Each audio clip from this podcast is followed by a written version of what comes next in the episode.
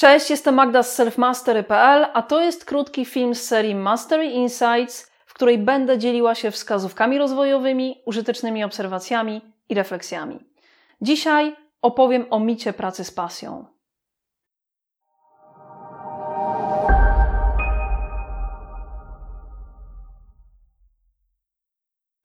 Dlaczego o micie pracy z pasją?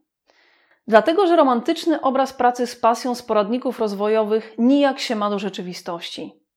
Praca z pasją wcale nie jest lżejsza od zwykłej pracy, w której człowiek musi wysiedzieć swoje, zrobić co do niego należy i iść do domu. Nie jest prawdą to, że ten, kto pracuje z pasją, nie pracuje wcale. Mało tego, ciężar zwykle jest ten sam, a czasami nawet większy, dlatego że osoba z pasją pracuje często dłużej i więcej, bo zależy jej na tym, co robi, bardziej niż przeciętnej osobie. A to naraża takiego człowieka na naprawdę duże niebezpieczeństwo związane z wypaleniem. A kiedy człowiek przestaje bawić się pracą, którą kiedyś uwielbiał, to co mu zostaje? Rozumiem to, że jeżeli Twoja praca jest teraz źródłem dużej frustracji i niezadowolenia w Twoim życiu, to odkrycie swojego powołania czy pasji do czegoś i robienie tego na co dzień może wyglądać jak ucieczka z piekła do raju. Łatwo z tej perspektywy to idealizować i myślę, że sporo osób tak to widzi. Poza tym, w takiej sytuacji człowiek ma też tendencję do patrzenia na całe swoje życie przez pryzmat tego jednego najgorszego obszaru, który akurat nie działa, i wydaje mu się, że kiedy ten obszar będzie już działał, to jego wszystkie problemy znikną.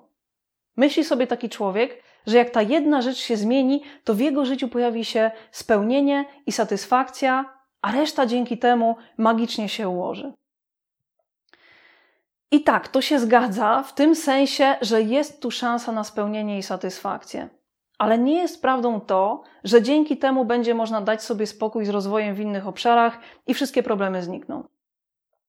Relacje, zarządzanie finansami, dbanie o siebie, o zdrowie psychiczne i fizyczne to są rzeczy, na które praca z pasją wcale nie musi wpłynąć pozytywnie. Wszystko zależy od podejścia, od osoby i od sytuacji. To jaka w takim razie jest różnica pomiędzy pracą bez pasji i pracą z pasją? Może lepiej trzymać się posady, która płaci rachunki, nie jest specjalnie porywająca, co prawda, ale też nie jest taka najgorsza. Wybór należy do ciebie, a ja powiem, na czym moim zdaniem polega różnica, żeby łatwiej ci było zdecydować, czy w ogóle warto coś zmieniać. Kiedyś już nie pamiętam gdzie i od kogo, słyszałam takie porównanie, które dobrze obrazuje to, o co mi dzisiaj chodzi. Wyobraź sobie, że na twoje plecy zakładam 30-kilogramowy worek z kamieniami i mówię ci, żebyś wszedł do domu 20 km pod górę. W domu czeka na ciebie twoja rodzina. Jak dojdziesz, będziesz mógł pokazać wszystkim, jaką niespodziankę im przyniosłeś. Brzmi ekscytująco? No nie wiem. A teraz drugi scenariusz. Wyobraź sobie, że zakładam na Twoje plecy worek, który też waży 30 kg. Znowu masz iść 20 km pod górę do domu, w którym czeka na Ciebie Twoja rodzina. Ale dla odmiany w worku masz złoto, klejnoty i pendrive'a z bitcoinem. Ciężar jest ten sam, odległość ta sama, ty też niby jesteś ten sam. Zmienia się tylko i aż zawartość worka. Pytanie, co to zmienia dla ciebie? Jeżeli nie chcesz przeoczyć żadnego materiału, subskrybuj kanał Selfmaster i zapisz się do newslettera. Link do formularza znajdziesz w opisie tego filmu. Formularz znajdziesz też na stronie selfmastery.pl.